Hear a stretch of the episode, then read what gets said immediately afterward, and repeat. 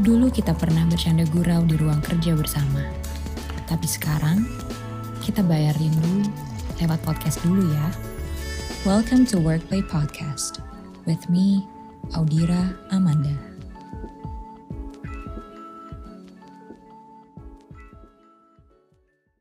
Halo teman Workplay, apa kabarnya? Hari ini aku mau ngobrol sama Mbak Prita Tias, yaitu seorang psikolog klinis dan juga founder dari Sekolah Bumi Nusantara. Halo Mbak Prita. Halo Mbak Dira, selamat sore, apa kabar? Baik, dirimu gimana? Baik. Nah, Mbak Mbak Prita, thank you so much ya udah mau ngobrol sama aku hari ini. Sama-sama, kita mau ngobrolin apa nih? Nah, jadi aku tuh pernah baca nih di salah satu postingan yang Mbak Prita. Mbak Prita pernah mm -mm. pernah bercerita tentang uh, ungkapan good enough parents. Mm -hmm. Nah, aku tuh juga sering banget tuh dengar sebenarnya good enough parents. Uh -uh. Jadi orang tua yang cukup aja gitu ya. Kita tuh nggak harus sempurna. Nah, cuman mm -hmm. tuh sebenarnya apa sih Mbak maksud dari ungkapan menjadi uh, orang tua yang cukup aja gitu? Oke, okay. nah ini supaya nanti uh, parents bisa dapat pemahaman yang utuh gitu ya. Mm-hmm. Uh, aku mau ceritain dikit gitu ya. Jadi konsep good enough parents ini awalnya itu disampaikan oleh seorang uh, uh, psikologis atau psikiatris gitu ya, namanya uh, Winnicott gitu. Nah beliau menyampaikan gini, mm-hmm. jadi ke anak-anak ini ketika mereka masih di dalam kandungan di dalam rahim itu kan semuanya serba uh, tercukupi, hangat, yeah. aman gitu ya sampai anak-anak hmm. lahir terus mereka bayi sampai usia hmm. mungkin 2 tahun itu kan segala sesuatu kebutuhannya berusaha banget kita cukupi dengan cepat gitu ya kalau misalnya hmm. kayak mereka nangis buru-buru kita gendong hmm. uh, mereka misalnya lapar belum sampai lapar udah kita berusaha kasih uh, menyusui lalu kasih makan misalnya gitu ya mm-hmm. dan lain-lain nah ini memang penting gitu kan sampai usia 2 tahun ini untuk mereka bisa trust sama dunia yang asing buat mereka gitu ya nah tapi menurut Winnicott ini uh, anak-anak di masa ini sebetulnya itu seperti hidup di dunia fantasi gitu jadi dunia hmm. yang uh, kan dunia realnya nggak gitu gitu ya dunia realnya hmm. itu ada kalanya kita pengen tapi nggak boleh ada kalanya Betul. kita uh, apa uh, pengen sekarang tapi ternyata harus nanti dulu dan lain-lain hmm. nah hmm. maka um, konsep good enough parents ini adalah ketika anak-anak mulai transisi nih gitu ya mulai uh, menginjak umur 2 tahun mereka sebenarnya perlu digiring ke konsep bahwa uh, real world itu seperti apa sih gitu ya dunia yang sesungguhnya hmm. itu seperti apa sih gitu nah hmm. uh, salah satu sebenarnya benefitnya ketika kita sebagai parents ini menjadi yang uh, apa nggak perlu jadi perfect gitu ya. Masih ada marahnya masih ada snapnya masih ada ngelarang ngelarang tapi caranya nggak kind misalnya gitu. Sebenarnya ini secara nggak langsung membantu anak-anak untuk transisi ke dunia nyata gitu. Bahwa okay. di dunia nyata itu kamu bisa kecewa kamu bisa kesel karena dimarahin gitu ya. Nah Uh, jadi muncullah konsep good enough parents ini. Jadi sejarahnya kayak gitu tuh Mbak Mbak okay. Dira gitu. Oke, okay. nah berarti kita menjelaskan kepada anak itu kalau dunia tuh not always uh, rainbows and butterflies mm -hmm. gitu ya mbak ya karena kan kita selalu melihatnya kayaknya kita karena juga sering kali berusaha melindungi anak kita untuk tidak terluka untuk tidak tersakiti gitu cuman kenyataannya Betul. dunia tuh nggak kayak gitu jadi somehow kita memang mempersiapkan mereka dengan yaitu ya mungkin ada trials and errors nanti selama perjalanan kita berproses gitu-gitu ya maksudnya Mbak Prita ya. Betul, okay. betul. Nah, sebenarnya dalam um, pengaplikasiannya nih Mbak kepada mm -hmm. anak dan juga untuk orang tua sendiri ya. Itu sebenarnya gimana mm -hmm. sih Mbak konsep okay. ini? Nah, uh, aplikasinya sebenarnya gini, kalau misalnya uh, banyak dibahas gitu ya, oke okay, nggak apa-apa hmm. kalau kamu masih sebagai ibu atau sebagai uh, ayah masih ada marah, masih ada uh, apa namanya, mungkin masih ada teriak-teriaknya atau mungkin malah terlalu hmm. kind gitu ya. Um, nggak uh, apa-apa karena itu proses gitu. Nah, hmm. tapi uh, jangan juga hal ini lalu dijadikan um, rasionalisasi dijadikan pembenaran gitu ya untuk para parents sehingga para parents jadi eh, nggak uh, mau belajar. Jadi sebenarnya ada satu hmm. lagi nih Mbak Dira, kalau kita hmm. oke okay deh kita menginternalisasi gitu ya, kita merasa oke okay deh aku berusaha untuk jadi good enough parents aja, nggak berusaha hmm. untuk perfect parents. Jadi uh, mungkin masih ada yang tadi ya trial error sehingga mungkin banyak errornya pas membersamai anak-anak gitu ya. Tetapi yang perlu dimiliki juga sebagai seorang orang tua yang uh, good enough parents adalah um, growth mindset gitu ya bahwa okay.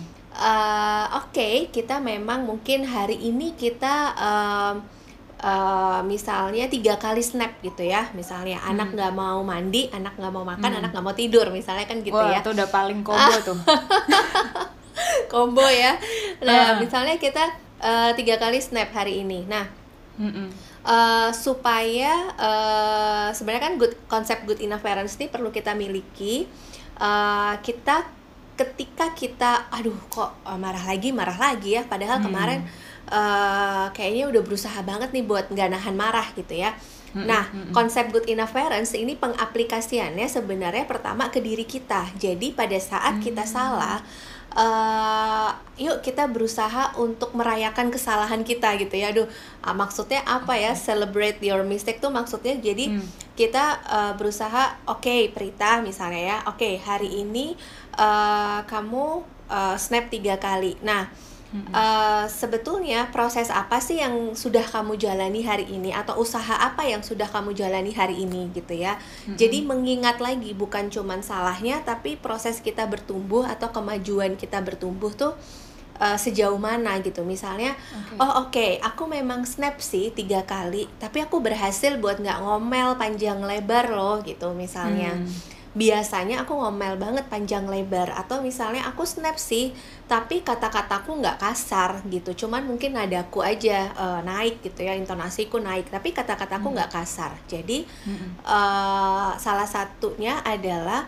uh, menghargai kesalahan kita dan yang kedua yang paling penting merayakan kemajuan kita sekecil apa pun gitu okay. sehingga uh, kita bisa apa ya kayak uh, apa namanya me menghargai dan me apa sih kayak mengapresiasi gitu ya mengapresiasi benar mm -hmm. mengapresiasi diri sendiri dan jadinya kalau kita terlalu merasa bersalah nah rasa hmm. bersalah ini tuh bukan bikin kita makin bertumbuh tapi bikin kita makin berat besoknya dan makin marah-marah gitu ya kalau kita ambil hmm. um, kasus ini nah kalau hmm. tadi seperti yang aku jelasin mbak Dira uh, supaya kita bisa menghargai kemajuan, terus kita bisa membuat komitmen, oke okay deh besok kalau bisa apa ya yang bisa aku lakukan supaya kalau mau makan itu nggak gontok-gontokan perang dunia ketiga mm-hmm. gitu ya misalnya. Mm-hmm.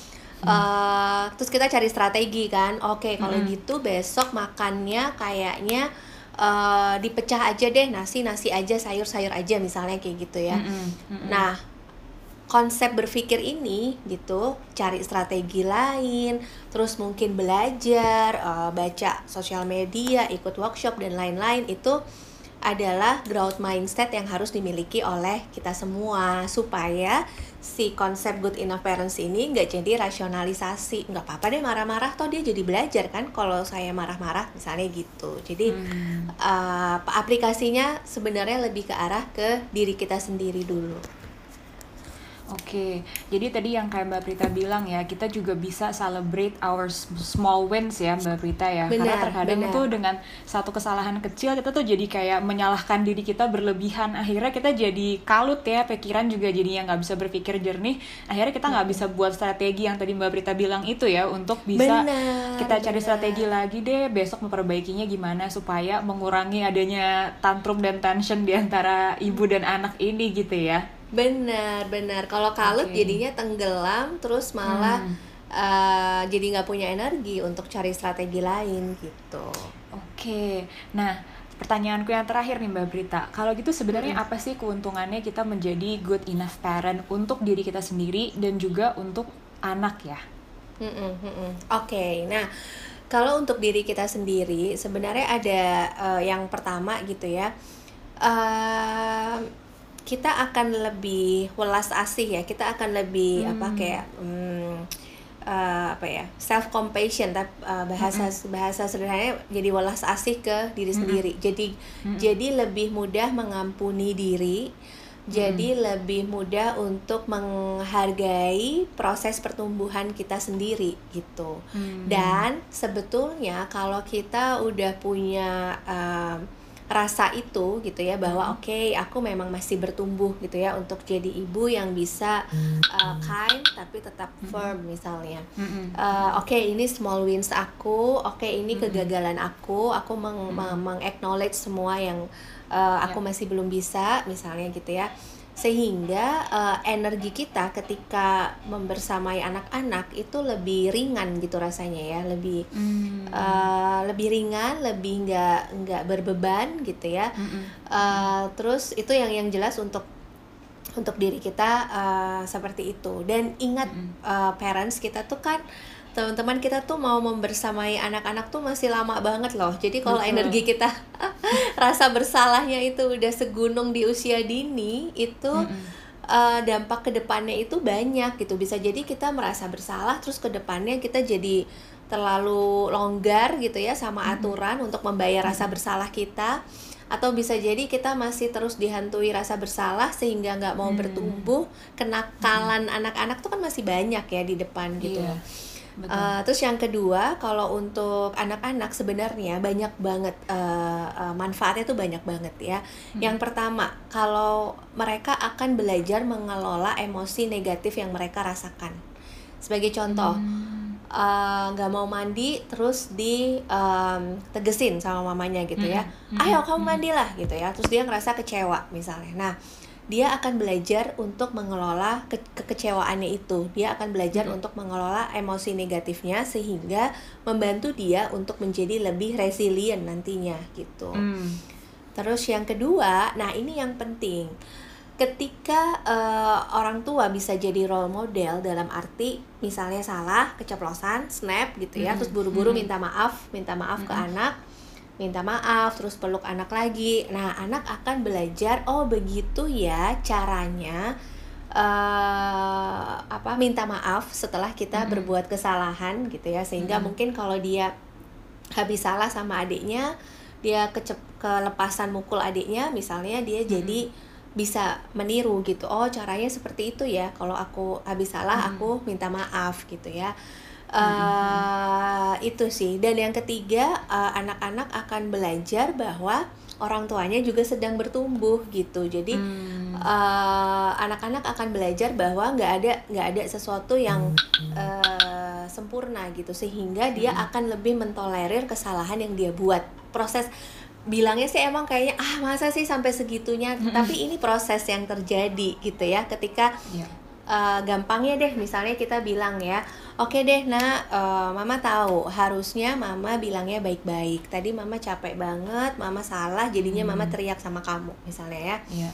uh, seharusnya mama nggak boleh teriak mama minta maaf ya besok kira-kira hmm. kamu bisa bantu mama nggak supaya uh, mama bisa uh, apa tahan diri dan bisa bicara baik sama kamu apa yang bisa kamu hmm. bantu misalnya gitu hmm. sehingga anak akan belajar bahwa orang tuanya nih yang dia anggap wah serba bisa dulu ya aku nggak bisa hmm. buka baju mamaku yang bukain nggak bisa mandi hmm. mamaku yang mandiin ternyata hmm. juga punya keterbatasan sehingga aku ketika aku belajar nulis eh kebalik-balik belajar menghitung eh salah-salah ternyata hmm. nggak apa-apa ya gitu jadi uh, menanamkan benih ke arah sana sih mbak Dira Oke, wah sudah terjawab semua nih pertanyaan-pertanyaanku. Semoga juga bisa mencerahkan juga ya untuk teman workplay yang mendengarkan. Thank you so much ya Mbak Brita waktunya.